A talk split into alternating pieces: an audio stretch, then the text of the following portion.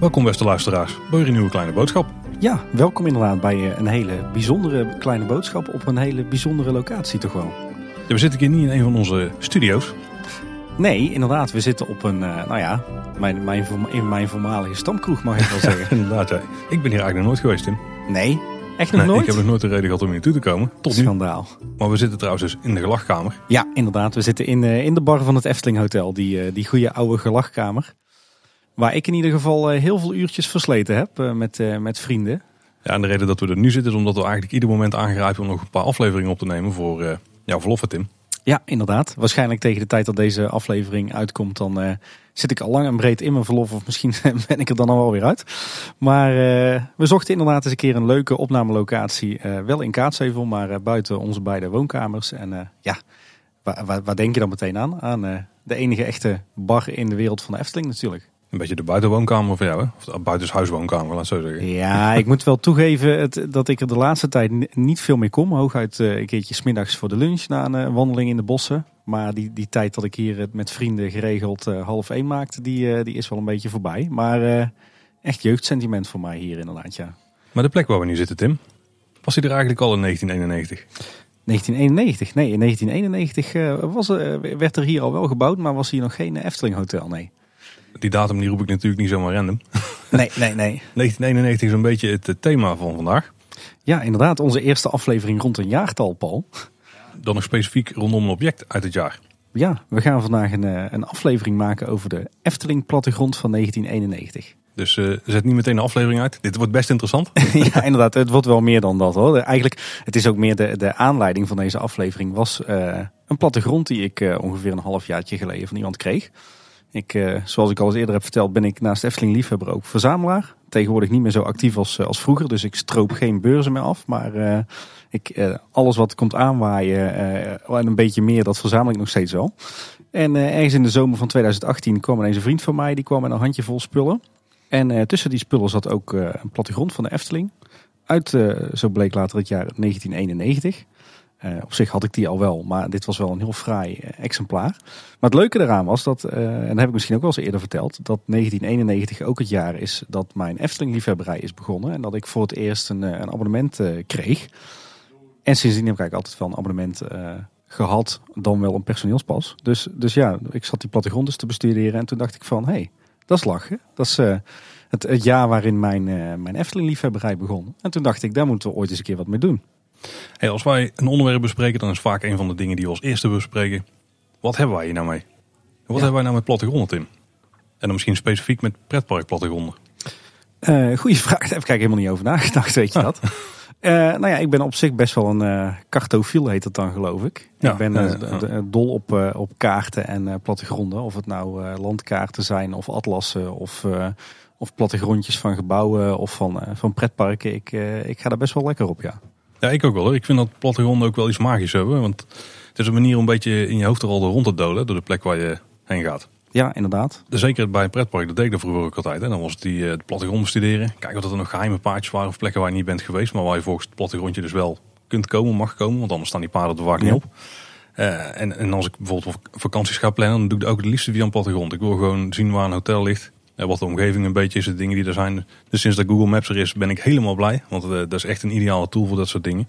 En wat me bijvoorbeeld ook opvalt, is als ik dan mijn Maps eh, app open op mijn telefoon, dan Ja. is de laatst geziene plek is ook vaak nog een pretpark of zo. Het hoeft niet per se de Efteling te zijn, maar dan ben ik weer even aan het kijken van hoe zit het daar. Of we gaan ergens heen of eh, ja, hoe lossen ze daar bepaald, bepaalde problemen op die ze in de Efteling misschien hebben.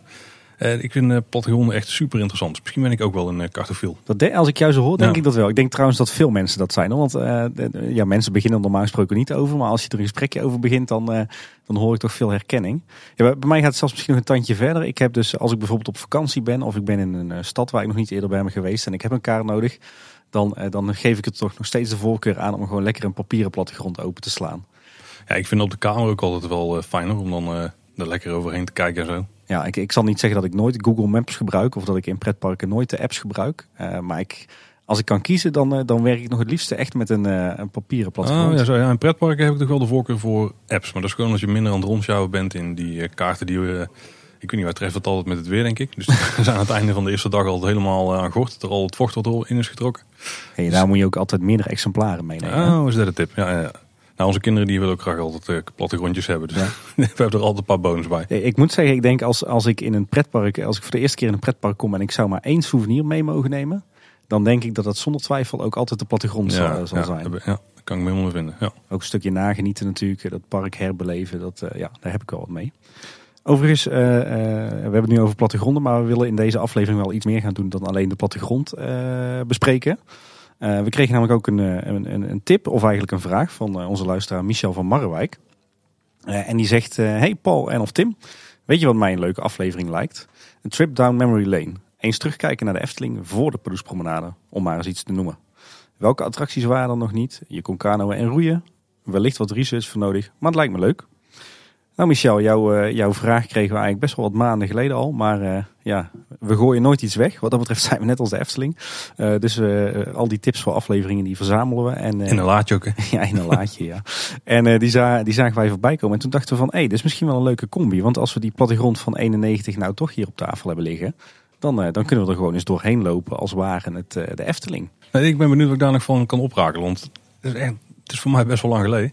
ja, ik heb echt allebei, denk ik. Ik heb echt nog wel bepaalde beelden erbij, gewoon van hoe het er toen uitzag. Of bepaalde hoekjes waar je dan uh, vaak terecht kwam nadat je een attractie uit kwam lopen of zo. Mm -hmm. Dus uh, eens even checken hoe dat er allemaal uh, bij ligt in deze plattegrond. En of het nog kan matchen met de idee die ik in mijn hoofd heb. Want ik weet ook niet precies van wanneer die beelden zijn. Hè? Ja, precies, dat is waar. Ja, ik, ik, dat, dat vond ik juist zo leuk aan, eigenlijk aan het toeval dat ik nou net deze plattegrond kreeg omdat ik dan zoiets had van, nou, dan heb ik echt een, een, een canvas of, of uh, in ieder geval een, ja, eigenlijk een leidraad om te kijken van, joh, hoe lag het park er nou bij in het jaar dat mijn liefde voor de Efteling begon? Ik wil het voordat we daar helemaal in gaan duiken, nog even over de plattegrond zelf hebben. Ja, nou, misschien voordat we dat doen, terwijl ik eigenlijk nog een slok van mijn koffie wil nemen, maar is het goed om te vertellen dat de luisteraars die deze aflevering luisteren, daar is het misschien ook wel leuk voor als ze met ons mee kunnen kijken, toch? Ja, dat wordt een beetje lastig als je in de auto zit. Dus dat wordt heel gevaarlijk, ja. Dat moet je dus niet doen. We zetten de plattegrond ook natuurlijk in de show notes. Kun je zelf meekijken. We gaan daar gewoon zo goed mogelijk proberen te beschrijven. Dus je hebt hem niet per se nodig. Maar het kan wel een beetje helpen met, uh, een idee krijgen van waar we het over hebben. Uh, dus check hem ook zeker even naar de rand. Dan ja. vallen misschien wel puzzelstukjes op een plek. Kleineboodschap.com, daar zijn we te vinden. Zeker. Voordat we erin gaan duiken, Tim, ik wil het eens even hebben over de plattegrond zelf. Gewoon visueel hoe het eruit ziet. Oh, daar heb ik eigenlijk helemaal niet over nagedacht. Goed punt. Ik heb een beetje zitten uitzoeken. Dit is uh, de plattegrondstijl die ongeveer vanaf 85, 86 hebben gehanteerd. Mm -hmm. uh, tot ongeveer 2014, dus best wel lang. Wow, ja. En ze, ze, hebben wel wat uh, stijldetails aangepast in de kaart. De manier waarop bijvoorbeeld het groen is ingetekend is later nog wel aangepast. Maar in het algemeen is deze stijl wel al die tijd behouden gebleven. Ik moet ook zeggen, voor, voor mijn gevoel is dit ook wel de Efteling plattegrond. Ja, daar, kan, ja, daar snap ik helemaal, ja. Um, als je dan een beetje kijkt naar de plattegrond, dan is hij ja, licht cartoonesk toch wel ingetekend. Dus uh, ja? een aantal zaken staan er heel overdreven op. Of een aantal zaken die, sp die springen er extreem overdreven uit. Zoals bijvoorbeeld de pagode. ja, die lijkt hier wel 450 meter lang. ja, precies. of hoog. Overigens, als we het daarover hebben, klein detail. Hij heet hier op deze plattegrond uit 1991 ook nog de pagoda. Wat op zichzelf oh, wel interessant is. Want ik dacht dus altijd gelezen te hebben dat de pagode alleen in zijn openingsjaar nog de pagoda heette. En dat was 89? Dat was uh, 87. Dus uh, toch een, uh, detail, zoals ze dat dan in mooi Nederlands zeggen. Ja, in die tijd hadden we nog geen social media en dat mensen erover gingen vallen en zo. Ja, ja inderdaad. De Efteling fanclubs waren toen ook nog niet echt opgericht. Hè? Overigens, dat, dat hij zo cartoony is, komt misschien ook wel door de maker. Want Henny Knoet is degene die deze plattegrond jaar na jaar getekend heeft. Hè? Staat dat er ook ergens op? Of nee, dat, dat staat, er niet, staat er niet op. Maar dat, dat is in de loop der jaren wel bekend geworden. Nou, het is wel een lichtvrije interpretatie. er is op geen enkele manier denk ik hier een echte plattegrond overheen te leggen die dan matcht. Nee, dat is ook de reden waarom dat er in 2014 een totaal nieuwe plattegrond is gemaakt. Hè? Ja, want toen moest hij natuurlijk werken, onder andere in de app en dan ook met locatievoorzieningen. Dus dat je ook echt op de kaart kunt zien waar je bent. En dat met deze kaart had ik gewoon niet gekund. Nee. Kleine anekdote daarover. Zo heb ik ooit zelf eens op A0 formaat een, een kloppende plattegrond van de Efteling proberen te tekenen. Uh, begin jaren 90 kwamen namelijk ook voor het eerst parkinformatiefolders uit. Hè, op dat moment werd deze plattegrond nog verkocht, volgens mij voor drie gulden. Vanaf begin jaren 90 kwam er dan ter aanvulling daarop de, de parkinformatiefolders. Die waren gratis en daar kon je dan inhoudelijke informatie vinden over met name horeca, merchandise en entertainment. En daar zaten hele schematische plattegrondjes bij, maar die, die waren dus wel kloppend. Die waren waarschijnlijk uit een of andere technische tekening gehaald. En ik heb toen ooit nog uh, een hele winter op mijn knieën gezeten op mijn slaapkamervloer om dus die, uh, die, die technische tekeningen uh, op te blazen tot A0 formaten en daar vervolgens een kloppende plattegrond van te maken. Ja, om wat te achterhalen hoe het allemaal in elkaar steekt natuurlijk. Ja, precies. Ja, ja. Ja, wat ook wel opvalt is dat er een aantal gebouwen zijn en die zijn voor de tekening zo gedraaid zodat ze er vanuit perspectief waaruit de kaart is getekend goed uitzien. En dat is vooral in Sprookjesbos, dan klopt het niet helemaal hoe de gebouwen staan bijvoorbeeld. Ja, en, en als je het dan toch over het Sprookjesbos uh, hebt, een van de fouten tussen aanhalingstekens die lange tijd op de plattegrond van de Efteling heeft gestaan, is het feit dat er een, heel stuk van de route mist. Ja, of die wordt overschaduwd door het kasteel, wat er dan iets groter op staat. Nee, nee, nee, want als je uh, vanuit uh, Dansende Schoentjes en de Trollenkoning richting de Sprekende Papegaai zou lopen, dat gedeelte, dat pad staat er gewoon helemaal niet op en die sprookjes ook Oh, niet. dat klopt ja. Mooi. Zo ging naar vroeger. Hè? Ja, ja, inderdaad. De, ja, nee, de route die start uh, op deze plattegrond uh, weer bij het, uh, het huisje van de Zeven Geitjes. En ik weet toch echt dat het destijds niet zo was. Ja, wat ik me ook afvraag, er zijn een aantal attracties en die steken er echt uit. Letterlijk. Tenminste, niet letterlijk. Maar die steken er visueel uit. Die zijn groter getekend of die komen een beetje naar boven, zeg maar, in perspectief. Mm -hmm. de dingen die mij daarbij opvallen zijn, of de attracties die daarbij opvallen zijn, onder andere de Python, de Halve Maan. Langnek staat er groot op. Pagode, of Pagoda, net hè, hoe je het wil zien. Ja. de Bob, het draak licht geraakt valt ook wel goed op, vond ik. En uh, de Indische waterlelies staan er ook heel groot op. Zouden dat toen in die tijd de belangrijkste attracties zijn geweest? Ik bedoel, uh, het Lavelaar krijgt ook wel best wel veel ruimte. Maar er zijn individuele gebouwen. Er steekt er niet echt eentje echt vanuit ten opzichte van de rest. Ja, ik denk dat je dit ook meer moet zien eigenlijk als een, wij spreken, een, uh, meer als een illustratie dan echt als een kloppende plattegrond. Hè? Nee, zeker. Maar juist daarom zou je denken van misschien hebben ze bepaalde zaken groter gemaakt omdat ze daar de meeste mensen heen willen trekken. Dat ze die makkelijk kunnen vinden of dat het misschien makkelijke Ja, navigatiepunten zijn. Of gewoon dat op het moment van het intekenen van dat onderdeel, dat dat even binnen de organisatie veel aandacht had. En dat het te- bij de tekenaar ook als heel prominent in zijn hoofd zat. En daarom ook een prominente rol kreeg op de, op de tekening. Want de plattegronden die hierop volgden, die zijn wel steeds weer gebaseerd op deze plattegrond. Hè. Dus ieder jaar werd er gewoon iets bij gedaan. Ja. Eh, op een moment werd dus de stijl van het groen vervangen. eh, of veranderd. En nog van wat andere zaken hoor. Maar de viel me toch op. Ja. Ja, inderdaad. Wat, wat, wat we misschien nog vergeten, wat misschien nog wel de allergrootste wijziging is geweest aan eh, deze plattegrond in 2014, is dat hij een kwartslag is gedraaid. Hè? Ja, ja, dat klopt ja. V- Voor mij is deze oriëntatie van het park, dus met zeg maar het, het noorden in het zuiden, om het zo maar even plat te zeggen, het noorden onderaan, is voor mij nog steeds in mijn hoofd de oriëntatie van de Efteling. Ik weet niet of jij dat ook eh, hebt. Ja, dus misschien omdat dit een beetje de, de kant is van waaruit je het bekeek vroeger toen je binnen kwam lopen. Ja, Maar daar gaan we het ook over hebben. ja precies. Niet te veel dat is wel grappig. Hè? Als je heel je jeugd eh, dit soort plattegronden eh, tot in detail bestudeert, misschien langer dan gezond is, dan is dat toch op de een of andere manier zo in je hoofd geprent dat dat voor je gevoel de waarheid is. Ja, ik denk het is ook wel de manier vanuit de meeste kaasheuvel het bekijken. Ja, Dus ja het is ook vanuit het dorp gezien. Zo, ja, Ja. ja. dat klopt. Wat me ook nog opviel is dat er witte duiven boven het Sprookjesbos heen vliegen. Ja, Toen al witte duiven, Tim. ja inderdaad, de vooruitziende blik, ja. Eh, en wel, wel- wel een grappig detail wat me opviel. Er staan telefooncellen aangegeven op de kaart. Klopt, Met icoontjes Ja, en niet, met, eh, niet getekend. Ja, en, en typografisch is de plattegrond op zich ook wel interessant. Hè? Want je hebt allerhande soorten lettertypes door elkaar gebruikt. Eh, je hebt de attractienamen, eh, maar soms staat, eh, staat dan de naam van de vijver of het gebied staat ernaast. Eh, soms worden ze in vier talen vertaald en andere keren weer niet. Eh, sommige voorzieningen worden met icoontjes aangegeven, andere worden met tekst aangegeven. Het is, het is wat dat betreft typografisch is het een beetje een, eh, een rommeltje. Maar ik Ja. denk dat het ook komt omdat het dus in de loop der jaren zo is gegroeid. En als we dan nog heel even globaal aan de plattegrond kijken. Het is dus die, die, een beetje die cartooneske stijl. Met het grootste deel van de plattegrond, de- daar staat ook echt de plattegrond op. Dan heb je linksonder heb je een illustratie van een heks die een eh, wagen voortrekt met allerlei figuren erin die in de Efteling voorkomen. Ja. Ik heb me trouwens een tijdje te afvragen van eh, wie is nou dat elfje wat er voorop zit. Want Droomlicht was helemaal nog niet geopend. Maar dat is natuurlijk een elfje uit de Indische Waterleus. Uit de Ja. Waterlees, ja. Eh, rechts heb je een illustratie van Pardoes met daarnaast een, ja, een beetje de, de, de legenda. Van de Ja. icoontje erop staan en wat geparkeerde auto's. En een windroos die inderdaad dan aangeeft dat het zuiden aan de bovenkant van de kaart is en het noorden aan de onderkant. Ja, ja en wat, wat, wat mij ook opvalt is dat er ook eh, aan de onderkant van het volk van Laaf staat eh, die hele rare tekening van een, een hand in een stuk wit stuk boomstam. Met daarop eh, het logo van de Efteling. Heb ik ook altijd een bijzondere, bijzondere gevonden. Inderdaad, ja. Die, die kan ik ook helemaal niet plaatsen verder. Hey, zullen wij anders eens eh, de Efteling binnenlopen als ware het 1991? Dat lijkt me een goed idee, Tim. Want dan gaan we down memory lane, zoals eh, Michel graag wilde. Ja, en dan gaan we dus niet het Efteling betreden via het Huis van de Vijf. Nee, want daar was toen in de verste verte nog geen sprake van. Dan eh, beginnen we voor de mensen die meekijken rechts onderaan op de plattegrond bij de oude ingang West. Overigens, ik zeg de oude ingang West. Dat was omdat er in die tijd meerdere ingangen waren, maar die komen we dadelijk wel tegen. Ook het parkeerterrein wordt trouwens aangegeven als, als P West.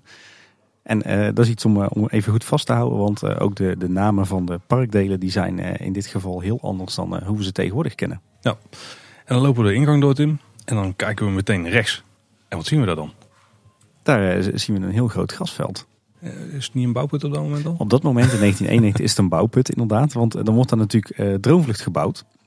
Waar de Sint-Nicolaasplaats nu vooral heel erg stenig is en vol staat met Villa Volta en Ravelijn en Droomvlucht en het station. Eh, was het toen nog tijd eigenlijk nog een, eh, een heel groot grasveld. Ja, en ik kan me herinneren dat ook veel mensen zaten picknick altijd. Ja, absoluut. Populaire plek daarvoor. En het standbeeld van Sint-Nicolaas, dat stond er ook nog steeds. Hè? Of Ja, stond dat toen al? Dat stond een, er toen al. ja. Alleen, en dat stond op een heel andere plek dan waar we het nu eh, Ja. eh, weten te vinden. Nu staat het natuurlijk heel dicht bij, eh, bij, de, bij de poort, zeg maar, richting het Witte Paard. Maar toen nog tijd stond het echt midden in het grasveld. Ja, een beetje meer rechts van het station als je daarvoor zou staan. Want het station was er ook al. Het station was er zeker, ja. Het zag er ook eigenlijk hetzelfde uit als wat het, eh, hoe het er nu eruit ziet. En het station was natuurlijk eh, op een mooie plek op zich wel. Want je had het station bij de entree. Ja, absoluut. Ja, daar wil ik nog wel even, even naar terug, want jij, eh, jij, jij rent heel snel door de entree. Maar op zich was de ingang West was ook een hele mooie, mooie plek. Dat, eh, dat stelt natuurlijk, als je het vergelijkt met de huidige entree, stelt het niks voor. Maar dat, dat was zeg maar een, ja, een, een mooi rijtje met, met kassa's. Met in het midden een soort centrale post met daarop een, een, een mooi zinken dak met een mooie punt. Dat dak heeft overigens na de sloop nog heel lange tijd eh, bij de Greenkeepers Loods eh, op het golfpark opgeslagen gelegen. Eh, en, en als je dan langs de kassa's was, was je overigens nog niet langs de kaartcontroles. Hè. Je had daar echt een, een rij met kassa's. Tussen die kassa's had je een soort ja, zeg maar ronde poortjes. En als je dus al een kaartje had of een abonnement, dan liep je daar onderdoor. En dan kwam je eigenlijk op een heel sfeervol entreeplein. En dat plein dat was verhard met kinderkoppen, stonden veel bomen. Eh, en als je dan nog een stukje doorliep, dan had je daar pas de kaartcontrole. Eigenlijk een beetje dezelfde opzet als die de huidige entree heeft. Eh, en, en op dat pleintje vond je onder meer ook eh, het, het souvenirwinkeltje. Zeg maar de voorloper van, de voorloper van de huidige Efteldingen. Die heette volgens mij, als ik het me goed herinner, het Poortje. Wat je daar verder nog vond was een, een klein toiletgroepje. Ehm, en ook de, de gastenservice. Dat was een, een heel mooi Pikeriaans gebouw. Dat lag aan de, aan de linkerkant, zeg maar, eh, voordat je tot de controlepotjes kwam. En dat heeft na de sloop van de entree heeft dat, eh, is dat ook nog heel lang gehandhaafd. En dat is eigenlijk pas gesloopt vlak voordat Ravelijn kwam. Zo, ik kan me uit die tijd nog heel... dus Van dit stukje kan me weinig herinneren. Oké, nee, ik, ik, ik kan me daar nog best wel goed, eh, best wel veel van herinneren. Wat me wel opviel is dat er ook een garderobe was. Ja, klopt. Op meerdere plekken zelfs in het park.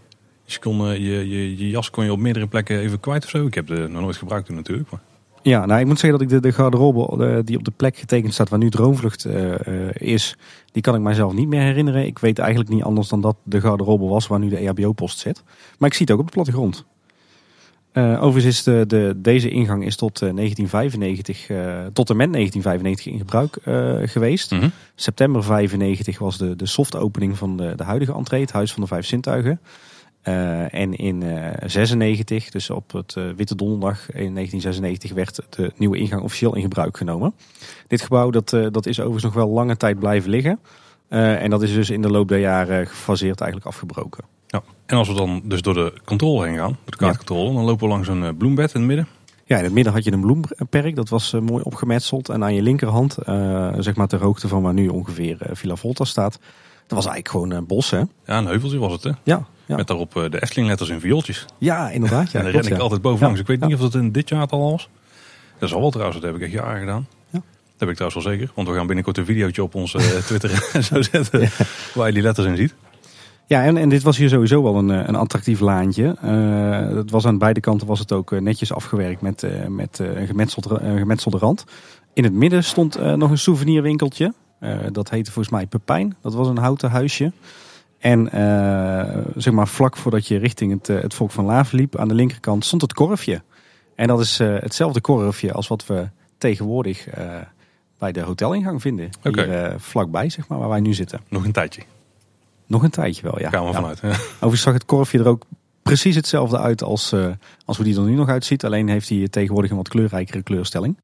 Maar ja, dat waren plekjes waar je fotorolletjes kon kopen. Hè, en plattegronden en uh, een worstenbroodje en koffie en ah, dat soort zaken. Uh, uh, oh. bij de oude Marskramer hè? Ja, ja, ja, dat was een plek. Oh. Ja, goed, in, in 91 werd hier dus uh, Droomvlucht gebouwd. Maar de jaren daarna uh, zag je dat uh, heel veel mensen aan de rechterkant, zeg maar, over die, die bloemperken heen sprongen om richting Droomvlucht te rennen. waar het dan vaak, in de begin, zeker in de beginjaren, enorm druk was. En vanuit daar ook de, de, de, de uitspraak, de befaamde uitspraak, het staat tot laaf. Had je die wel eens meegekregen? Ja, die ken ik wel, ja, ja. Daar hebben we het over het volk van Laaf. Ja. Dat was toen denk ik, ja, dat was eigenlijk het punt waar je binnenkwam hè? in de Efteling. Als je het ingangsgebied uit was, dus je was het stationnetje voorbij zeg maar en je liep het laantje uit tussen de twee grasvelden door. Dan kwam je bij het volk van Laaf uit. Ja, ja op de plattegrond is eigenlijk een beetje een vertekend beeld. Want dan lijkt het alsof je meteen het volk van Laaf ziet. Maar inderdaad, in werkelijkheid kwam je, kwam je uit zeg, uh, links van de, het gemak. Dat stond daar toen ook al. Mhm. en, en daar zag je eigenlijk pas het volk van Laaf. Ja, ja dan je dus eigenlijk, daar doorgangetjes nog steeds hè? Ja, klopt. ja. Ja, en het Volk van Laaf was eigenlijk heel vergelijkbaar met hoe we het nu kennen. Hè? Ja, dat is in de jaren niet zo heel veel veranderd. Nee. Nee, ik weet nog wel in die tijd dat het, eh, dat, dat het allemaal heel gelig en oranje, bijna oranjeachtig was ingeschaduwd. En dat, eh, dat riet dat was natuurlijk ook nog hartstikke vers. Dus dat, qua kleuren was dat wel heel uh, anders dan hoe we het nu kennen. Maar dat was één groot verschil, hè, Paul. Ja, en dat is de monorail. Ja. Die moest je toen zelf nog voortbewegen. Je moest nog fietsen. Ja, die was, niet nog, uh, die was nog niet elektrisch. Nee. Ik geloof dat het een paar jaar is geweest dat je daar uh, moest trappen. Hè. Het heeft inderdaad even geduurd voordat ze uh, elektrisch zijn gemaakt. Maar de, de slakkenmonorail heeft ook een paar jaar stilgelegen. Er, hij heeft dus een paar jaar ge, gefunctioneerd zeg maar als, als fietstrapmonorail, hoe we mm -hmm. zou moeten noemen. Er zijn er wat vervelende dingen gebeurd en toen is hij vrij snel stilgelegd. En het heeft best wel een tijdje geduurd voordat hij is aangepast. Ja, overigens nog een kleine fun fact. Uh, het, het, traject van de, van de slakkenmonorail was in de beginjaren ook net wat anders. Ja. Vlak voordat je het, uh, het station inkwam uh, zat er eigenlijk nog een lus aan. Ja, die maakte inderdaad nog een slinger om het loerhuis. Dus waar net als bij de put van Rol het verhaal vertelt het in, ook in de put hè? Ja, en, en hij kwam ook anders binnen hè, in het station. Als je nu een rondje, rondje, met de slakkenmonorail maakt en je loopt naar buiten... moet je voordat je de, de trap naar beneden oploopt maar eens aan de linkerkant kijken... En dan zie je in de vloer van het, van het station zie je nog het, het verloop van het oude traject. Er zijn wel sporen uitgesleten of zo. Ja, ja. ja, Als we het volk van Laaf voorbij lopen, ja. Eh, die houden ze aan onze linkerhand. Dan komen we uit op het Antropiekplein. Aan de rechterkant is het uh, de Witte Paard. Ja. Daar is, het gebouw zelf is vergeleken met nu niet super veel veranderd van buiten. Mm, nou ja, dat staan, nu heb je natuurlijk die luifels hè. Ja, en de terrassen zijn volledig anders nu, sinds een aantal jaar. Ja, inderdaad. Um, ja, in, de basis was het Witte Paard inderdaad een groot wit restaurant. Alleen had je toen uh, aan de buitenkant was hij mooi versierd met, uh, met een soort reliefs van schalen met fruit. En die schalen met fruit, daar zit nu in het, in het huidige Witte Paard zit daar ook weer een leuke uh, knipoog naar. In het midden. Moet je maar eens op letten. En verder had je daar ook hele grote luifels bij de ingangen. Ja goed, en verder was het van binnen natuurlijk totaal anders dan hoe we het nu kennen. Hè? De, een heel hoog plafond, een plavuizenvloer en een heel mooi buffet. Maar goed, daar, daar zou we al een, een aparte aflevering van kunnen maken. Nou, we lopen het volk van laag voorbij. We komen op het Piekplein en daar zit er ook wel volledig anders uit dan dat het nu is. Ja, absoluut. Daar is in de loop der jaren heel veel veranderd. Dan hebben we hier nog een plattegrond van 91 liggen. Maar voordat het volk van Laver was, was dit natuurlijk totaal anders. Was het de, grote speeltuin. Maar goed, daar hebben we het nu, niet over. In 1991 was het inderdaad ja, toch flink wat anders dan we het nu kennen. Wat wel bijzonder is aan dit stukje is dat, dat nog twee jaar hiervoor stond op de plek waar de draaimolens nu zijn ingetekend. Dus dat is de plek waar ze eigenlijk nu ook staan. was het kleuterhof nog ingetekend. Want er zat daar toen nog het oude kleuterhof met het zwembadje ja, met die, olifant. Ja, die grote speeltuin inderdaad, ja. ja. Die stond tot 1989 op de kaart. Ja, ja klopt. En, uh, en uh, een deel van, die, uh, van de verschillende onderdelen van die oude speeltuin... die zijn na de bouw van het Volk van Laaf... zijn die ja, in, in andere vorm of in kleinere vorm teruggekomen op het Anton Pieckplein... zoals dat hier getekend staat. Hè? Ja, ja. Ja wat, wat waren dan in de basis een beetje die grote verschillen? Ja, het, grote verschil met nu is dat het hele gevelrijtje wat er is... daar stond het er nog niet. Ja, jij bedoelt waar nu de, de smulpap is? Ja. Uh, dat is niet helemaal waar. Uh, want dat was toen ook een gevelrij. Uh, daar is toen namelijk zeg maar een beetje ter hoogte van waar je nu zeg maar de huidige geveltjes van de Smulpaap vindt. vond je toen de Game Gallery West. En dat was een, een dependance van de Game Gallery zoals we die nu nog kennen in, in Ruigrijk. Maar bedoel je dan waar die, um, die, die, het afdakje wat daar zat, zeg maar? Nee, dat, dat liep verder door. Hè. Je hebt dus zeg maar eh, tot ongeveer... ehm, ja, ja, hoe moet ik dit nou eens gaan uitleggen? Ik, ik ga een poging doen, Paul. Nee, ik ga, ik ga een poging doen. De, wat, wat al die tijd op dezelfde plek heeft gestaan is de Anton Pieckmolen. Ja. Eh, met, met links de hoorn des overvloeds en rechts eh, de eierleggende kip. Die heeft Mhm. altijd op dezelfde plek gestaan. Mhm. Maar achter de Anton Pieckmolen had je in deze tijd had je een soort van overdekte eetgelegenheid. Eh, ehm, van de smulpaap, zoals die er toen was. En dat was, eh, die, eh, daar hing ook de bord Pieter Smeerpoets. Een soort pergola was het eigenlijk. Daar stonden allemaal lange banken. En er was niet veel meer dan, dan wat opgemetselde penanten met, met daar een, een transparant dakje boven. Daarachter weer ongeveer ter hoogte van, ja, hoe moet ik dat nou zeggen? de, groot, de huidige plek van de grote zweef stond de oude smulpaap. Die, die, die, die vormde zeg maar een soort barrière tussen het oude deel van het Antropiekplein en het nieuwe deel van het Antropiekplein. Mhm. Die zag er ook totaal anders uit dan de huidige smulpaap. En eh, achter die oude smulpaap had je eigenlijk een soort kermispleintje. Ehm, daar stonden een aantal molens. Rechts achterin had je de, de befaamde jeepmolen.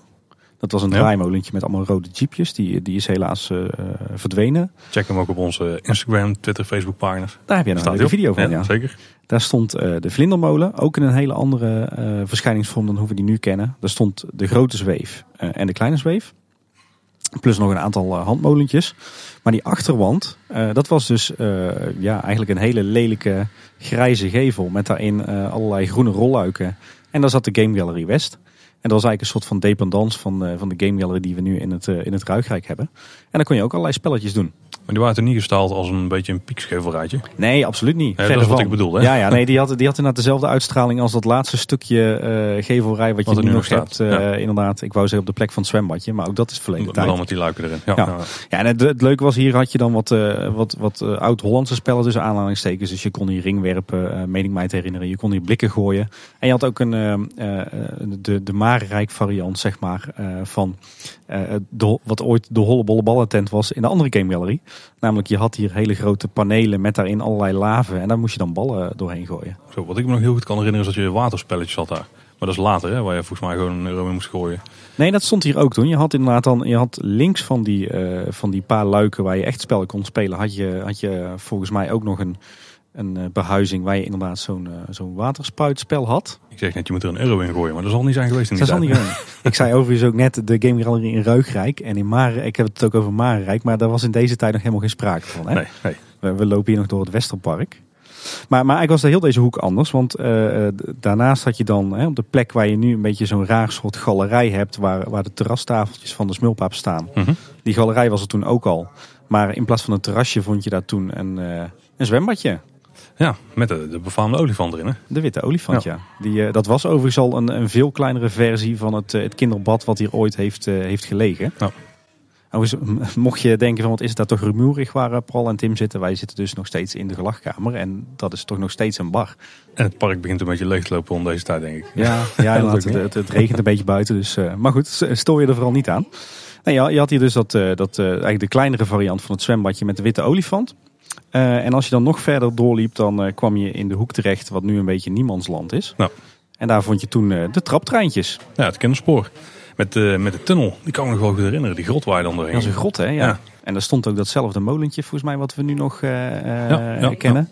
dat is niet dezelfde, toch? Nee? Nee, die is volgens mij bij iemand terechtgekomen ooit. Oké, dat wist ik eh, niet. Die is daarna weer, volgens mij degene die nu staat, is opnieuw opgebouwd. Oké, oké. zoiets was het. Maar, eh, Ook, een- ook een heel schattig stationnetje. Eh, ja, je moet maar eens wat foto's online zoeken. En eh, wat hier ook nog stond in deze hoek, eh, is het stations koffiehuis. was hij er op dat moment nog? Ja, zeker, absoluut. Dat stations koffiehuis, dat, eh, dat stond er nog toen eh, de traptreintjes verhuisden naar, eh, naar de huidige plek aan de Siervijver. En dat, is de, dat heeft zelfs nog een aantal jaren geduurd voordat het werkelijk is afgebroken. En die stond dan tussen het Lavelaar en de kinderspoor of stond hij iets meer richting het Anton Pieckplein? Met- Die, eh, nee, die stond echt tussen het Lavelaar en het, eh, en het, eh, tussen het Lavelaar en het kinderspoor. Ja. En moet ik even denken, je, je kan het overigens nu nog een beetje zien hoor. Het is zeg maar, eh, als je het Lavelaar naar buiten loopt bij het uh, Larikoekenhuis, dus bij de bakkerij. ehm, dan heb je aan je linkerkant heb je eigenlijk een soort van, ja, niet zeggend eh, eh, eh, ja, plantsoentje. Ja, Met weinig onderbegroeiing en een paar hele grote bomen. En daar, daar vond je het stationskoffiehuis. oké, want dat is de plek waar de ganzenhoedster de ganzen nog wel eens heeft staan. in Ja, de, Ja, daar inderdaad, ja. ja.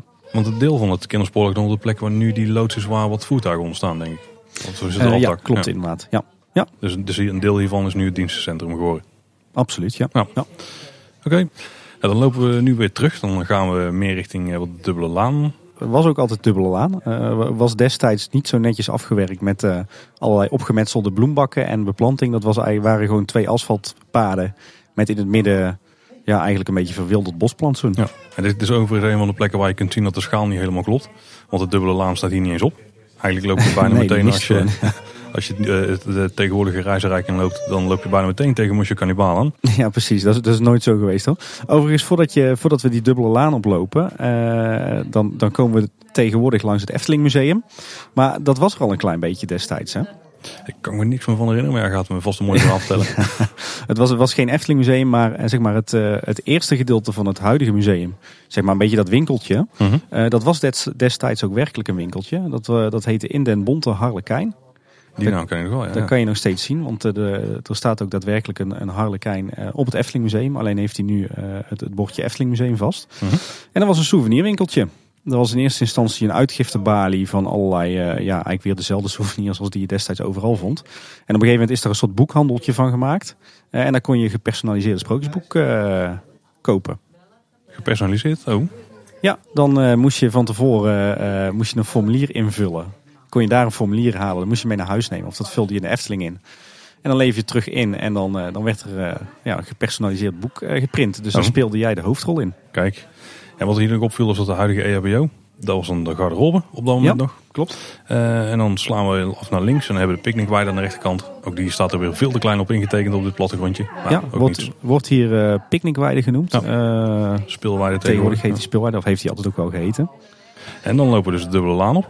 Ja, En dan inderdaad. zien we een paar interessante dingen. En dan lopen we, oh, ik wil, ik wil het even zeggen, Paul, mag dat? Dan lopen we van het Westerpark naar het Noorderpark. Bij deze. ik, heb, ik heb daar zo'n goede herinneringen aan, aan die namen. Dan lopen we dus het, wat nu het Reisrijkplein is op. Ja, En dan kijken we naar links. En dan zien we daar ook een, eh, een soort variant van Jokies Wereld. Was het, was het toen al hetzelfde gebouw? Nee hè? Eh, dat was toen, eh, nou ja, dat is wel interessant. Het heette toen overigens Joki, Mhm. de winkel. Lekker, goed verhaal, lekker kort. Ehm, en eh, dat bestond uit wat we nu zeg maar kennen als het voorste gedeelte van de winkel. Dus Ja. er is later is er een soort sluis en nog een tweede deel aan vastgebouwd.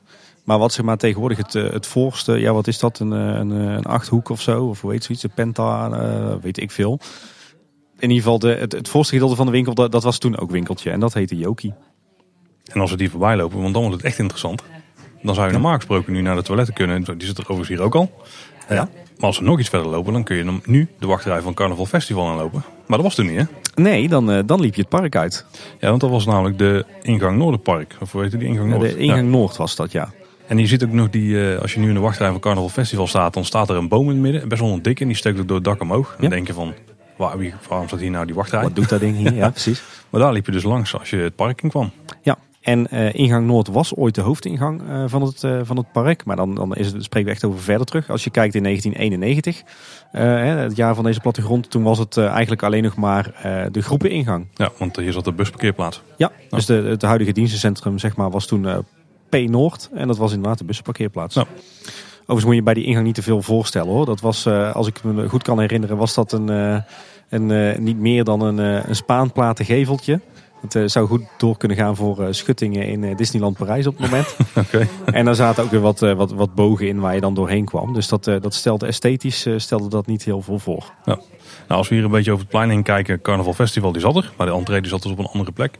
Ja, Carnaval Festival had een veel prominentere plek op dit plein. Hè. Eigenlijk werd het, het heette toen natuurlijk niet voor niks het Carnaval Festivalplein. Mhm. Dat werd bijna volledig eh, overheerst door, door de gevel van Carnaval Festival. Ja. Maar als we achter ons kijken, dan zien we dan Monsieur Cannibal. Oei oei. Volgens mij op dit moment nog zonder dak. Het is Jazeker, ja. Ja. Ehm, Ik geloof maar- pas begin jaren 2000, hè? Na, na een aantal seizoenen winter. Oh ja, natuurlijk. Ja, ja. En in 1988 is die attractie geopend. Dus heel lang op de kaart stond hij nog niet. Nee. En eh, als we dan kijken naar wat nu Panorama is. Dan heb je daar eigenlijk nu in dit geval twee restaurants. Ze hebben zelfs een los groepenrestaurant. Ja, De Veranda staat hier dat die heette. klopt ja. Nooit geweest. Maar ja, ik ging nooit met de groep naar de Efteling. Dus dat scheelt. Overigens kon je bij mij weten toen ook gewoon in de veranda eten hoor. Oh, oké. Ja, oké. En restaurant de Chameleon. En weet je toevallig ook waarom dat die de Chameleon heet hè? Nee.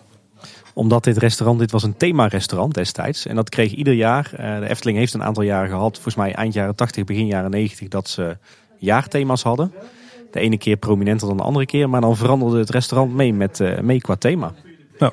Ja, en het, het plein zag er ook heel anders uit toen. Hè? Het, de, de voorgevel van Carnaval Festival, die, ja, die bestond eigenlijk uit ja, een beetje blauwe golfplaat. Met, met allerlei gekleurde stippen erop van, volgens mij, van hout. Prachtig, prachtig Tim. Dus het zag er heel frivol uit. Laten we het daar maar, daar maar over hebben. En, ja. en de wachtrij van Carnaval Festival was ook totaal anders dan wat je nu gewend bent. Het was geen, geen, geen wachthal, zeg maar, in de, half in de open lucht. Maar het was helemaal indoor. En, en, en dat, ja, daar kronkelde je eigenlijk door allerlei donkere, donkere ruimtes. En, en halverwege kwam je zelfs nog een, een stukje decor tegen. Weet jij nou waar ik het over heb? Ik, nee, ik kan me hier wel heel weinig van herinneren. Oké, nou de, in, halverwege de wachtrij zat uh, Café de Pretneus. En dat was een, uh, een café waar uh, Jokie, ja, denk ik, zijn drankjes haalde of zo. Nou, oké. Oké, okay, dan hebben we nu in principe twee opties die we in kunnen slaan. Ja. We kunnen of naar het huidige ragraak lopen over het pad zeg maar, links om de Siervijver heen gaat. Of we gaan rechts om de Siervijver richting de pagode. Ja, we kunnen, kunnen kiezen voor het krentenpad zoals dat eigenlijk heette en de Spiegellaan. Dan gaan we voor de Spiegellaan, Tim. Ja, precies. Overigens die brug waar je toen de tijd overheen ging, dat was nog echt zo'n zo'n houten bruggetje. Niet, uh, niet die grote betonnen asfaltconstructies zoals we die nu kennen. En, en die, de trein was daarbij ook omzoomd met enorme bloemenpracht. Hè? Dus niet... Niet die, die paar rozenstruiken zoals we die nu kennen. Maar dat werd twee, drie keer per jaar echt helemaal in, in kleur aangeplant. Nou, we lopen dus nu weg van het huidige Reizenrijkplein, maar dan zonder vogelrok. Ja. die stond er natuurlijk nog niet. En als we dan uh, op het bruggetje staan en we kijken een beetje naar links. Dus uit over de Siervijver, dan missen we daar ook iets. En dat is namelijk het kinderspoor. Want dat lag natuurlijk toen nog in uh, het Westerpark. Ja, klopt. Kijken we richting het Ruigrijk. En dat, is, dat werd in 1991 nog het Oosterpark genoemd. Ja.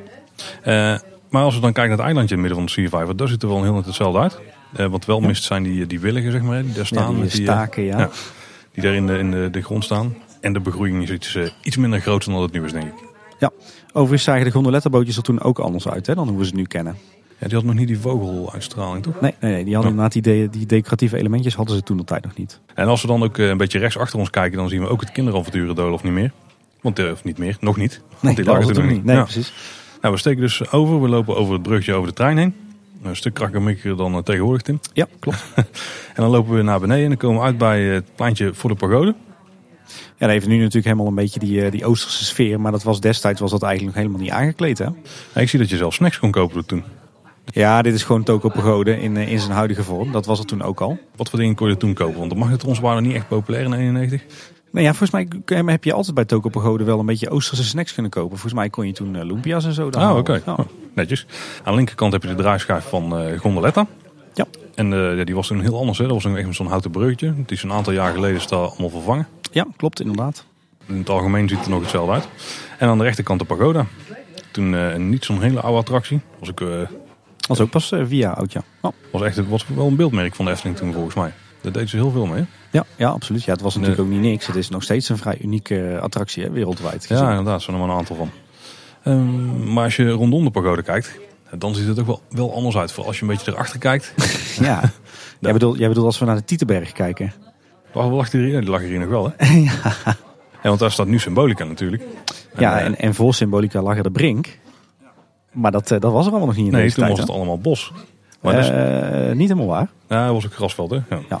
Nee, hier, hier lag het uh, eigenlijk te, op, de, op de plek waar nu een beetje Harthof en Symbolica liggen. Uh, had je toen het circusveld, zoals dat dan officieus heette.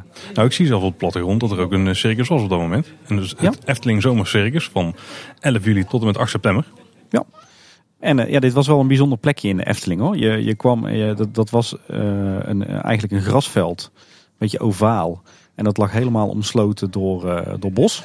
dat was, ja, was zeg maar echt een, een heel afgezonderd plekje in het park. je kon er maar ook, ook maar op één manier komen, namelijk vanaf het pad van Diorama naar het Spookslot. daar zullen we zo meteen nog wel even heen wandelen. Um, en ja, daar vonden af en toe de circussen plaats, maar ook bijvoorbeeld voorstellingen van Samson en Gert. Uh, alleen ja, de, de, de, meeste tijd van het jaar was daar niks te beleven. Uh, en en het, rondom was het ook een beetje heuvelachtig. Vandaar ook de term Tietenberg, want er gebeurden daar nogal eens wat dingen in het laagseizoen die het daglicht niet konden verdragen. Hm. Oké, okay. nou waren wij toen nog een beetje jong voor toen. Ja, precies. is het volverstandig om de spiegel aan te volgen of zullen we hier linksaf slaan? Nou, laten we linksaf gaan. Laten we naar, naar het Oosterpark lopen. Dan lopen we over de brug en er zit aan de linkerkant eh, de wensbron. Die zat er toen al. Ja. Eh, en hier zien we ook veel bloemen. Ja, en, en sowieso eigenlijk dat hele langgerekte eiland, hè, wat nu een beetje zo'n eh, zo'n estuarium is, zo'n moerasgebied. Dat was toen nog tijd, waar, was dat een en al bloemenpracht hè, in de Gondoletta. Ja. Ik geloof dat, wat zei Mario Dieltjes ook alweer, 2400 vierkante meter of Oh zo? ja. Zo goed heb ik het niet onthouden. maar als we hier echt doorlopen, ja, dan komen we eigenlijk een beetje uit op de plekken waar eerst het oude zwembad zat. Ja. Eh, die is sinds 1990 is die leeg.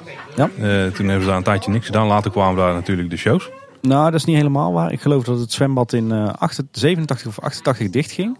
En in 1989 werd er al de eerste show eh, georganiseerd in, Oh, de oké. oude, in Maar het dat- oude zwembad. Maar er was al dit jaar niks. Eh, nee, want dit jaar was er, eh, was er een zomercircus. En Ah, eh, in de begin jaren 90 was het zo dat er of een show plaatsvond in het, eh, in het oude zwembad. Dus in het eh, zomertheater zoals dat toen heette. Of je had inderdaad een show op de speelweide. Of je had een show op het, eh, het circusveld. En als we dan eh, naar links gaan, dan gaan we dus echt het Oosterpark in. Dus eh, het huidige Ruigrijk. Dan Ja. komen we een beetje uit op de plek waar de Meermin nu zit. Ja, klopt. Die zat er toen ook al, bij mij weten. Ja, ik zie hem hier niet staan. nee, hij staat hier trouwens niet op. Oh, dan zat hij dan niet. En er is hier ook de EHBO-post. Die, zit daar, eh, die zat er toen wel. Ja, dat, die EHBO-post was trouwens een overblijfsel van het eh, zwembad. Die, die zat daar ook voor het zwembad. Eh, en dat huidige gebouwtje wat er nog steeds staat als, als EHBO-post... Dat, dat is ook nog steeds het, het gebouwtje uit de tijd van het zwembad. Ja. Maar nu zit er geen EHBO-post meer. Hè? Oh nee, nee, die is een paar jaar geleden weggegaan. Nou ja, ik geloof dat er nu nog een, een rust- en kolfruimte zit. Maar als we recht voor ons kijken, Tim, dan zien we ook iets staan. En zo'n voorwerp zagen we net in Rijsrijk ook.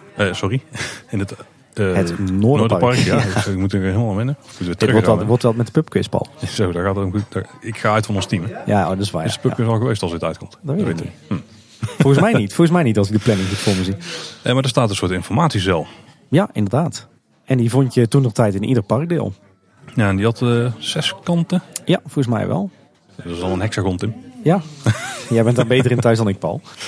Maar die, eh, daar stond al parkinformatie op. Daar kon je volgens mij, eh, stond ook een plattegrond op. Volgens mij had je daar eh, vier van de zes kanten waren de, de parkdelen. En eh, iedere, iedere vlak zeg maar, had dan zijn eigen plattegrond van het parkdeel. Met daarop daaronder welke attracties, restaurants en winkeltjes er waren. En ik geloof dat er twee eh, delen vrij in te vullen waren. Met eh, bijvoorbeeld reclame voor shows of voor eten en drinken. En wat hier ook al eh, grappig is om te zien, is dat het incognito toilet wat er nu in de Efteling is. Dat is namelijk die toiletgroep achter de Meermin. Die er officieel, volgens mij staat die nergens meer op de kaart. Nee, inderdaad. Maar die is ook zelden of nooit meer open. Nou, hij is volgens mij met drukke momenten is hij open, maar die staat hier nog prominent aangegeven. Ja. En die zit dan achter de Game Gallery.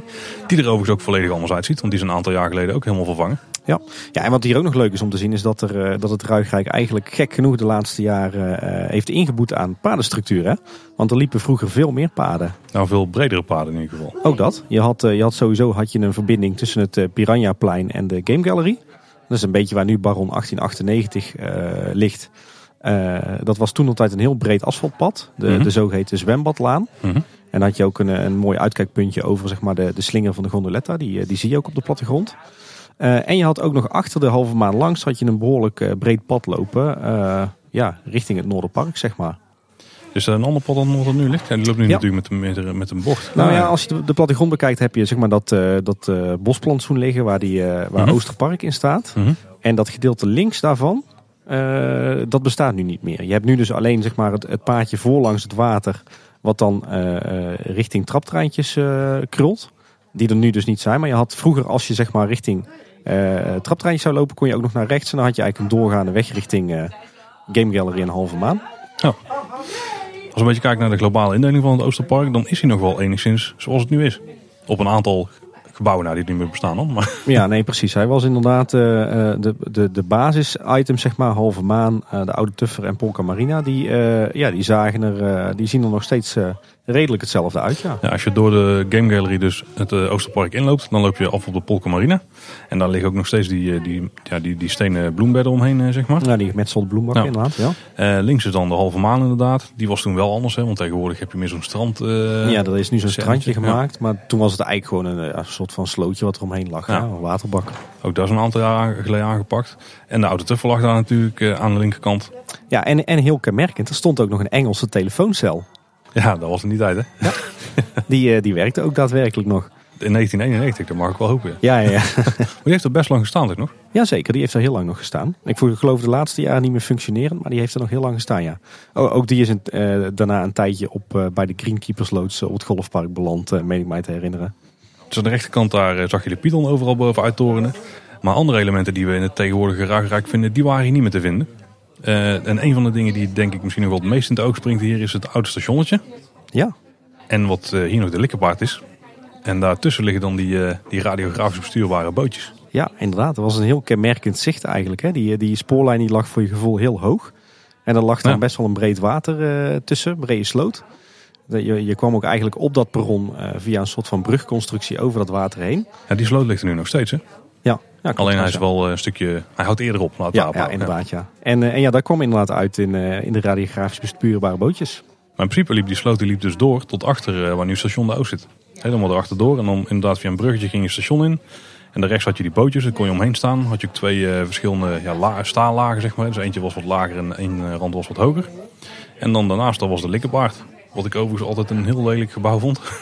Toen al. Ja, dat was ook een lelijk gebouw. het, was een beetje, het kwam bijna een beetje semi-permanent over. Het was, was van hout gemaakt. Uh, volgens mij een beetje groen, groene kleur. En uh, ja, dat waren eigenlijk vooral uitgiftebalies allemaal. Hè? Je, je had dan wel een overdekt zitgedeelte uh, aan de rechterhand. Uh, maar verder was het vooral veel buiten, buiten zitten. Ja, qua aanbod vond ik het altijd een beetje de McDonald's van de Efteling. Die kreeg de hamburgers in een kartonnen bakje. Ja, was het inderdaad ook. Ja. De, volgens mij de, de Big E-burger werd daar verkocht. Hè? Ja, dat, dat zal niet hebben geholpen, denk ik. Nee. als we de linkerbaard weer uitlopen, dan lopen we de Python voorbij. Die ligt aan onze linkerhand. En als we dan recht doorlopen, dan zien we daar niet de Vliegende Hollander staan. Nee, dan, uh, dan komen we uit uh, ja, bij, uh, bij een hoekje met een horecapunt.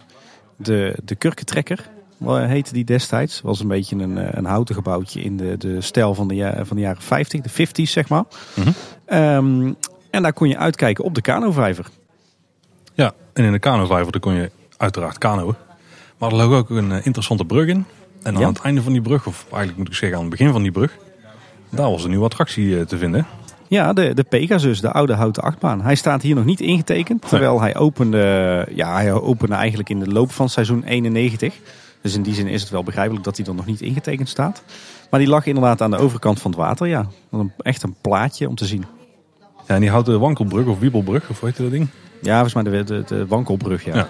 Die, uh, die diende, dat was eerst gewoon een soort ja, mini-attractie, daar kon je overheen lopen. Ja. Keilagen.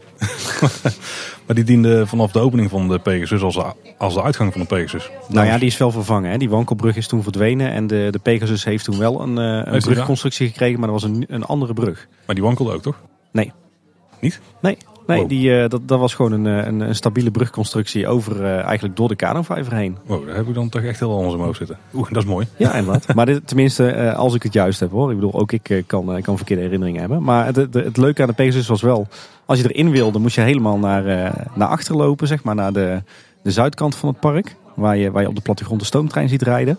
En als je dan uitging, dan kwam je echt honderden meters verderop terecht bij de kurkentrekker. Ja, dat was wel makkelijk hè, met ouders die hun kinderen dan erin te gaan. niet echt, nee, niet echt, nee.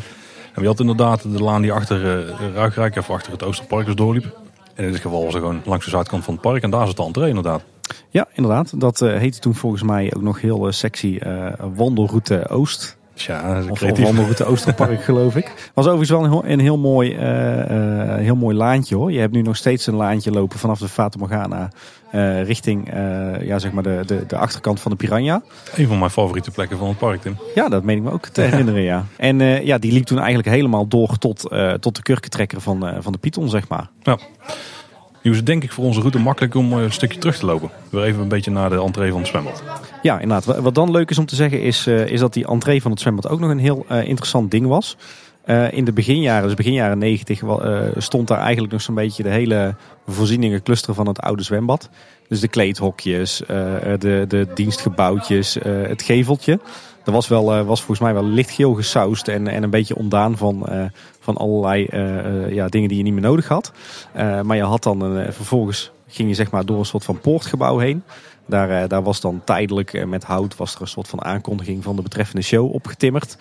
Uh, en dan kwam je op een soort voorplein. Van allemaal van die saaie grijze 30-30 tegels met, uh, met een paar oude bomen. En die kan ik me goed herinneren. En dan, en dan op dat pleintje, dat was best wel fors hoor overigens, uh, kon je dan wachten voor de grote witte tent die daar stond. En kon je via twee kanten kon je naar binnen toch? Links en rechtsom? Ja, inderdaad. Je liep dan zeg maar, als je rechtdoor liep, liep je op de, de, de voorgevel. Die was dan ook vaak vanuit hout getimmerd voor het Zomertheater. En dan kon je inderdaad links en rechtsom de zaal in. Nou, we staan nu voor het eh, zwembad en dan gaan we rechtsaf. Dus dan lopen we richting Piranha.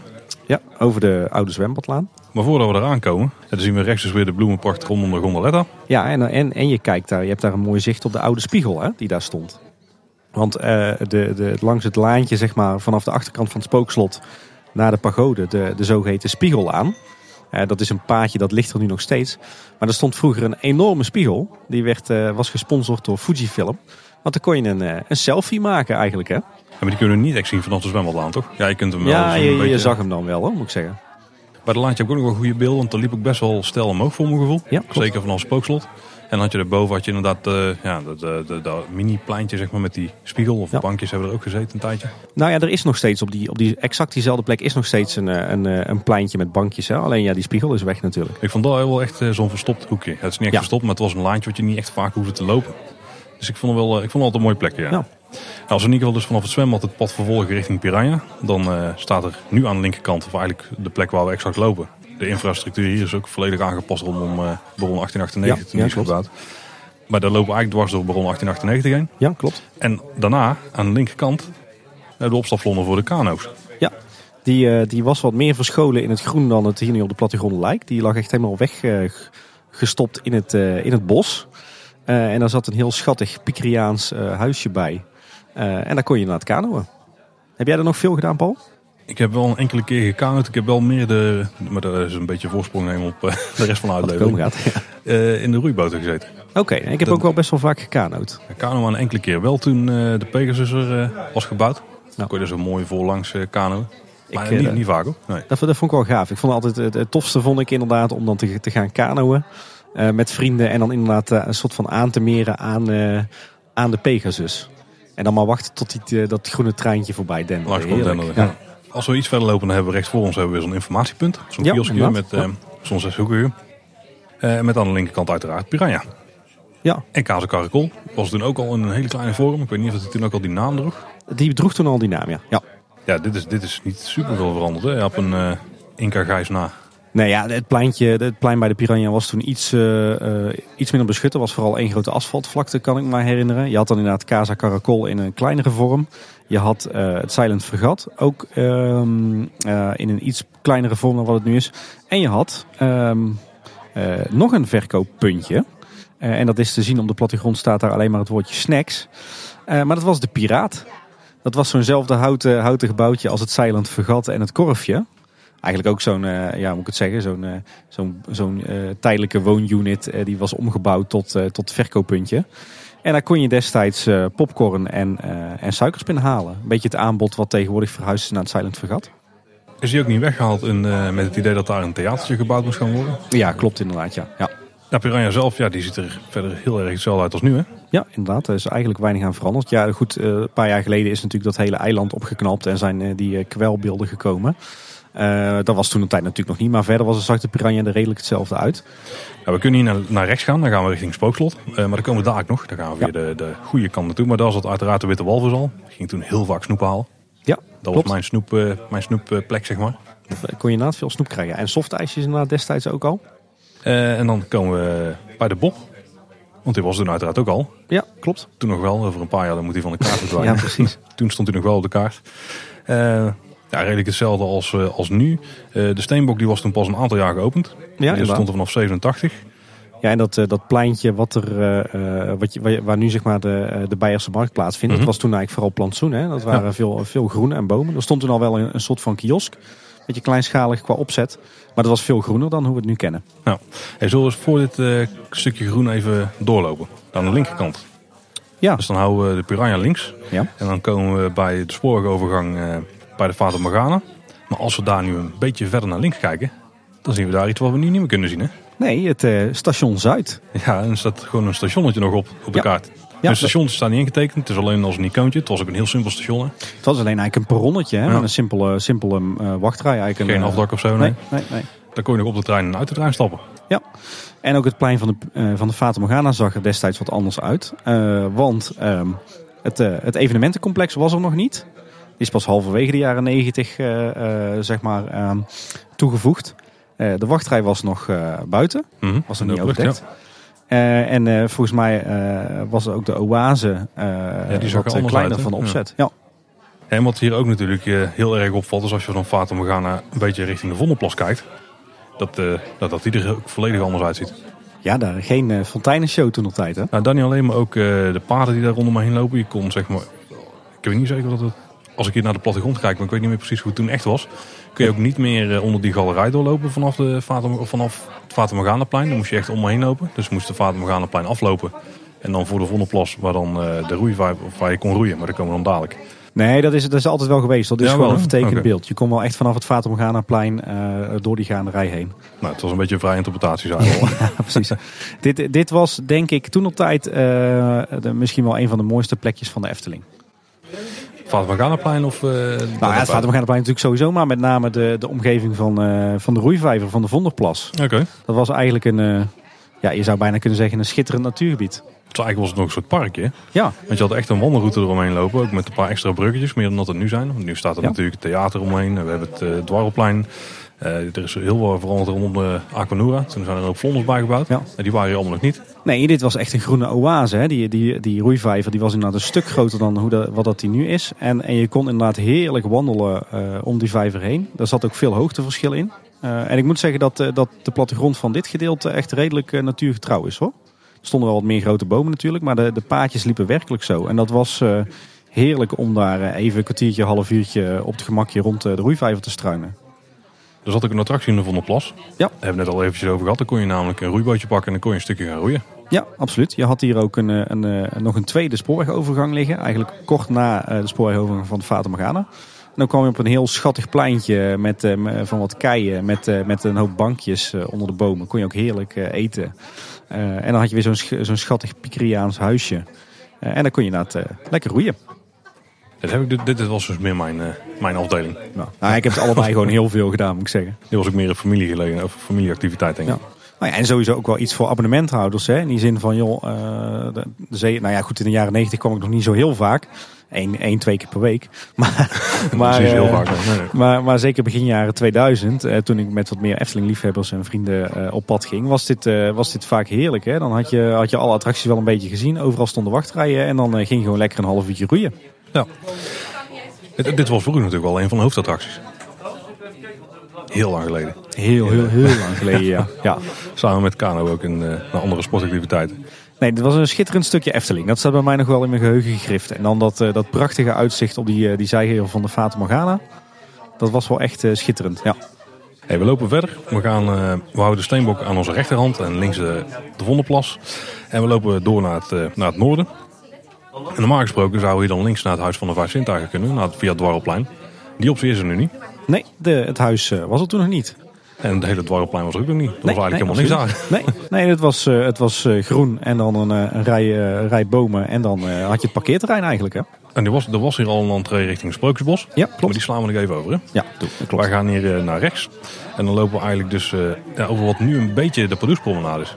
Ja, dat kan je wel stellen. De, wel dezelfde positie hoor. Ik moet zeggen, het uh, pad zeg maar, uh, tussen de Bob en uh, de roeivijver in was eigenlijk nog ja, vrijwel hetzelfde als hoe het er nu uitziet. Ook een asfaltpaadje tussen de bomen. Maar als je dan inderdaad op de, de voormalige Pardoespromenade kwam, of ja, zo heette die toen natuurlijk nog niet. Dat was wel een totaal andere ervaring dan hoe je het nu beleeft hoor. Nou, ja, dat klopt. Het was een heel ander pad, veel meer in het groen.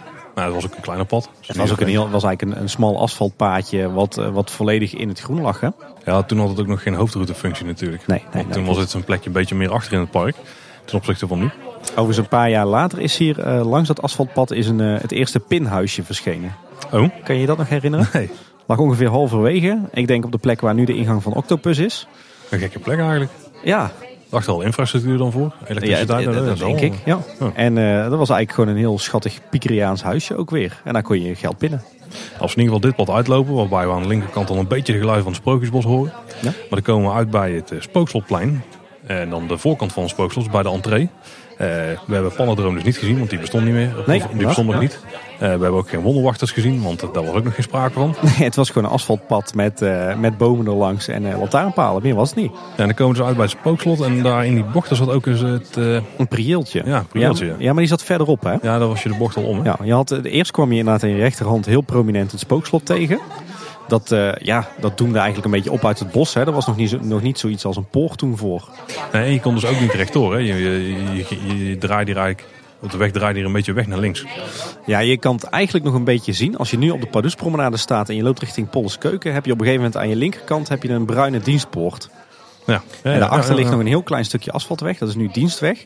En dat is nog werkelijk een overblijfsel van het, eh, het oude pad. Ja, dat is een paardje waar je een tijdje geleden overheen mocht toen een sprookjesbos aan één kant was afgesloten. dat was ja. de tweede ja, ingang. ja, ja, nee, klopt. Het, eh, de- dus, dus dat is eigenlijk nog een restant van hoe het pad toen nog tijd. Dat wel op pad? Oké. Ja. Ja. Als je er rechtdoor zou lopen, dan zou je nu bij Symbolic uitkomen, bij Pols Keuken. Dat bestond toen nog niet, was het best wel een groot stuk eh, ja, grond dat daar nog vrij lag eigenlijk. Hè? Ja, dat is een enorm bosgebied, hè? En een grasveld dus waar het circus was. Ja, Dat klopt. lag erachter, ja. Maar aan de rechterkant spookslot. Grotendeels nog hetzelfde uit als nu. Ja, absoluut. Ja. Min, min alle ja, pandadroom-aanslag die daar is gepleegd. Ja. En je had nog geen heksenpad, hè? Eh, nee, nee. Dat dat je er Tietenberg eh, voor, ontoe- hè? Ja, precies. ja, en als je dan weer richting het Westerpark liep, eh, dan, eh, dan kwam je op een gegeven moment aan je rechterhand eh, ja, een beetje een, eh, een eh, prieeltje tegen in het bos. Ja, die kan ik me goed herinneren. Vaak als ik dan uit spookslot kwam, dan liepen we denk ik die kant op. En dan eh, was het altijd even daar in een rondje rennen en dan eh, konden we weer verder. Ja. Anders konden we niet door, hè? lag wat, eh, lag wat bloemenpracht omheen. En eh, in de eerste paar winter Eftelingen stonden hier ook eh, ja, sneeuwmannen van stro opgesteld. Dan lopen we door en dan komen we dus langs het diorama. Ja. Eigenlijk was als heel het carouselpaleis wel vergelijkbaar met nu, hè? Behalve dan het plein wat ervoor ligt. Ja, klopt. Eh, het, eh, het carouselpaleis was toen nog volledig in werking. Je had toen natuurlijk nog het waterorgel. Nou ja, daar valt heel veel over te vertellen. Dus daar moeten we maar eens een keer eh, een losse aflevering over maken. Lijkt me een goed plan. Je had het carouseltheater, wat nu natuurlijk alleen voor evenementen wordt ingezet. Dat werd toen wel degelijk ook voor parkentertainment ingezet. Met name als het regende, dan vonden in het carouseltheater allerlei voorstellingen plaats. Of zeg maar reguliere showtjes uit het park, maar daar werden ook wel eens films vertoond. Je had natuurlijk het diorama. Eh, dat eh, was toen nog voorzien van, eh, van vloerbedekking. En daar had je toen nog niet van die, van die zitjes langs de kanten, zeg maar. Ja goed, en de stoomcarousel zelf was wel een beetje hetzelfde. Maar wat zich nog wel leuk is om te vertellen is, je hebt natuurlijk als je nu over dat pad loopt en, je, en je gaat dan aan de zijkant het diorama binnen, dan heb je zo'n gekke doorgang eigenlijk. Hè? Daar liggen klinkers in en op een gegeven moment heb je links heb je zo'n drankenautomaat en dan kun je de toiletten in. Ja, ja, ja. Ja. Eh, een jaar later, na het verschijnen van deze plattegrond in 92, was daar dus de jubileum tentoonstelling van 40 jaar Efteling. En een klein stukje. Ja. Oké. En dat is de plek waar ik nog met mijn opa eh, wekelijks eh, ben gaan kijken eh, naar allerlei reliquieën uit, uit 40 jaar Efteling. Oh. En daar hing ook aan, de andere, aan de ene kant had je dan een soort tentoonstelling met, met dus allerlei reliquieën. Een beetje zoals we die nu ook in het Efteling Museum kennen. Mhm. En aan de andere kant, dus met de kant van het Carouseltheater, daar hingen grote borden. En daar, daar, daar kon je de, de eerste tijdlijn op zien van 40 jaar Efteling. Zo.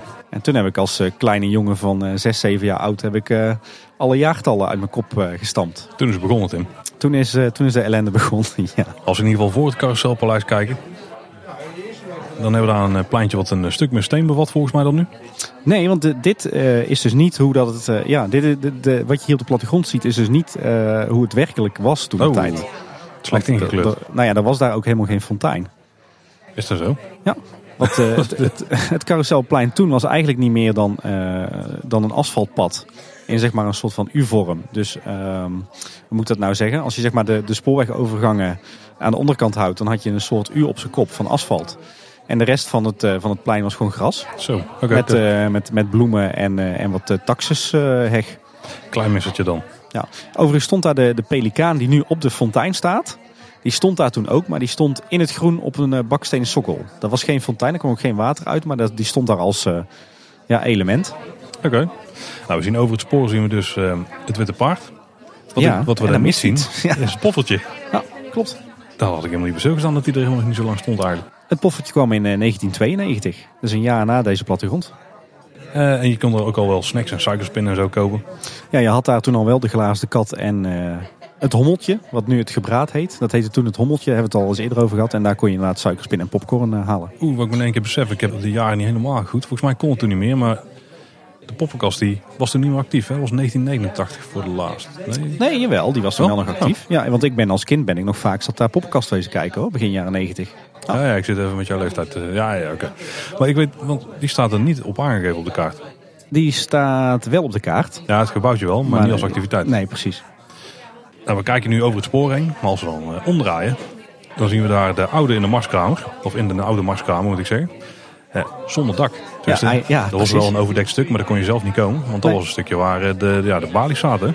Ja, eigenlijk de plek waar je nu overdekt winkelt, dat was toen gewoon een soort van binnenpleintje. Hè? Ja, is het openluchtstuk. En dan kon je daar bij balies kon je bijvoorbeeld videocamera's huren. Je kon daar fotorolletjes ook kopen en zo. Is dat En ook waar jij, die, waar, waar jij die videocamera ieder jaar huurde, waar Zeker. je nu die leuke filmpjes van Ja. op onze Twitter Ja, dat is exact daar. Ja, ja die Ah, gingen we daar altijd halen. En dan kreeg je de videoband zat er gewoon in. Er zat volgens mij gewoon een VS-band in.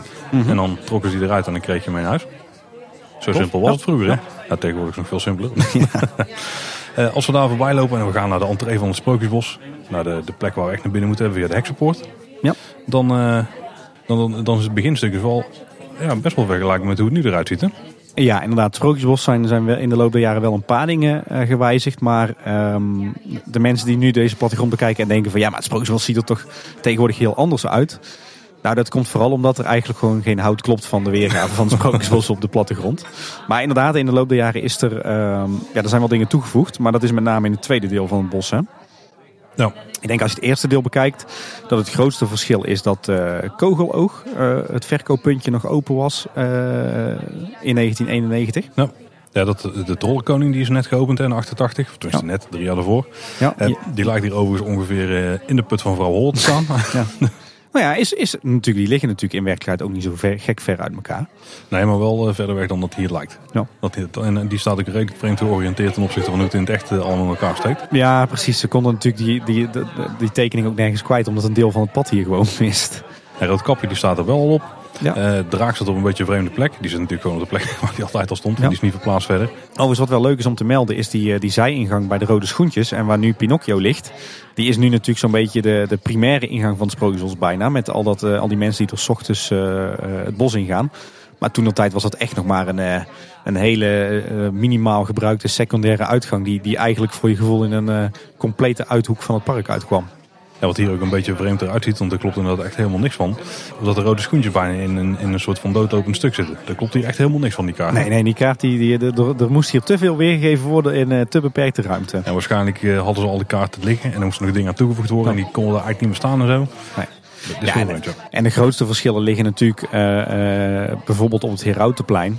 Ehm, als je ziet wat daar in de loop der jaren is bijgebouwd. De grot van Sneeuwwitje had je natuurlijk al, maar Assenpoester eh, was er destijds nog niet.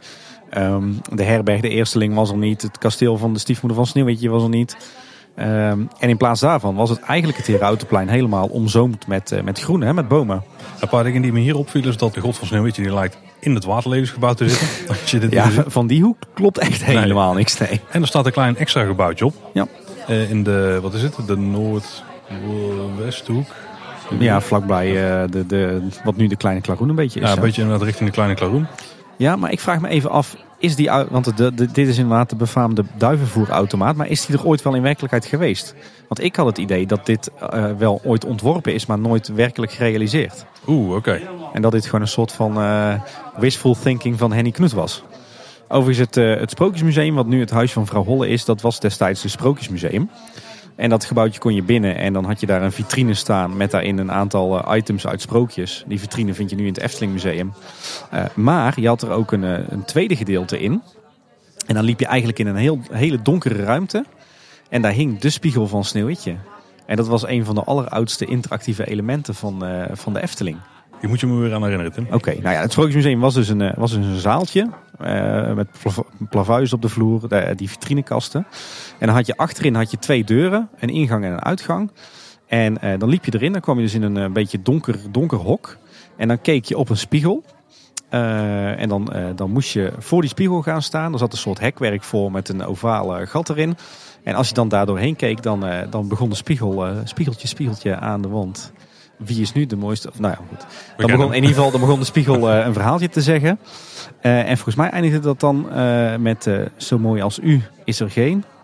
U bent het mooist van iedereen. Dat zal jou zo kunnen vragen om het in te spreken, hoor ik wel. Nou, dat niet. maar goed, het was hier dus allemaal heel anders. Je had hier trouwens aan dit plein ook verschillende mooie schuilhutten. Eh, die waren gemaakt van hout met, eh, met rieten afdakjes. De kleine klaroen die was er ook al. In iets andere vorm. Iets andere, iets kleinere eh, vorm inderdaad, ja.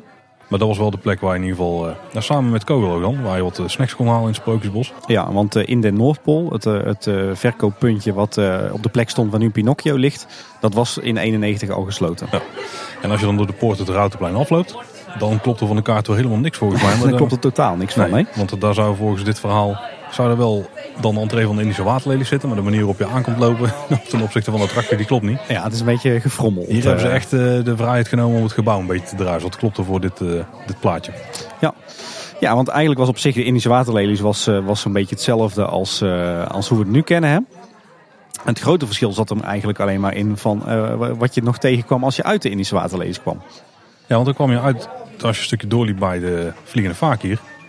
Nou, kwam je, je liep eigenlijk eh, eh, door de huidige uitgang en dan liep je er eigenlijk met een bochtje op af. Ja, En dan kwam je daaruit op het hele grote plein. Nu is het zo vreemd. Hè? Je loopt over een pad en aan de linkerkant heb je echt een best wel flink plein liggen. Ja. Wat in- maar voor mijn gevoel altijd helemaal vol stond. Dat iedereen daar eh gebiologeerd stond te kijken naar wat gebeurt hier allemaal.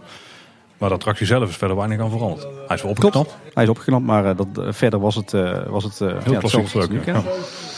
En ja, een van de grootste verschillen, denk ik, eh, was eh, waar je daarna terecht kwam. En nu hebben we aan de rechterzijde dan de Chinese nachtegaal liggen. En aan de linkerzijde een beetje een eh, Engelse siertuin. Ehm, links had je toen vrij weinig. maar rechts had je toen de grote siertuin van het Sprookjesbos. Daar heb ik helemaal niks over te vertellen. Nou ja, dat was eigenlijk dat, dat was een, een groot grasveld.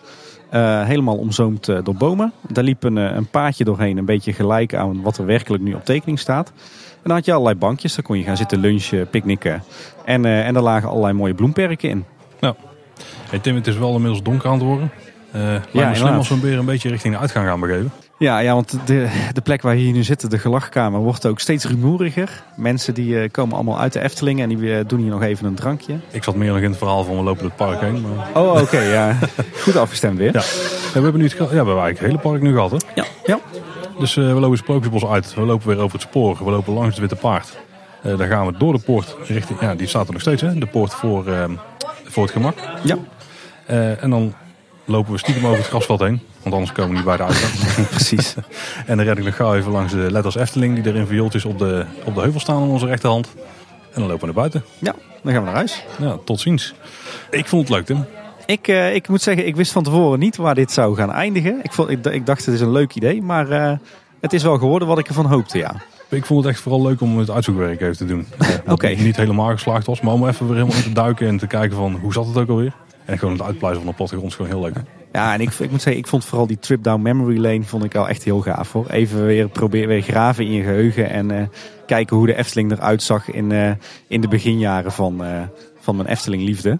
En eh, het, het zit eh, stiekem nog allemaal best vers in mijn geheugen, kom ik eh, toch wel achter. Zoals Marie zou zeggen, even die harde schijf afzoeken ja, precies. ja, dat was het weer voor deze week. Ja, we zijn, we zijn heel benieuwd wat, wat jullie nou van deze aflevering vonden. We gaan dit natuurlijk niet met, met iedere losse plattegrond doen. Dat zou een beetje raar zijn als we, als we over een paar weken de plattegrond van 1992 bespreken. Nou, ik vond 91 wel een mooi jaar, omdat het daar jou een beetje is begonnen. Ja, dus eh, nee, maar we zijn wel heel benieuwd wat jullie eh, van deze trip down memory lane vonden. Eh, Heb je zelf nog herinneringen uit die tijd? Dat hoor ik graag Ja. natuurlijk. of hebben wij, zijn wij dingen vergeten? Hebben we dingen over het hoofd gezien? Waar maakten wij fouten omdat ons eh, geheugen misschien nog niet zo, goed, niet zo goed meer was? Zeg dat dan vooral, vertel dat dan vooral. Ja, dan kun je opmerkingen kun je doorsturen via het contactformulier op de website, kleineboodschap.com. Ja, en in de rechterbovenhoek vind je dan het knopje contact. Of je gaat naar Twitter, Facebook of Instagram. Op Twitter zijn we @kboodschap. Ja. En op eh, Facebook en Instagram zijn wij Kleine Boodschap. En dan eh, horen jullie ons volgende week weer. Ja, inderdaad. Bedankt voor het luisteren en houdoe. Houdoe waar.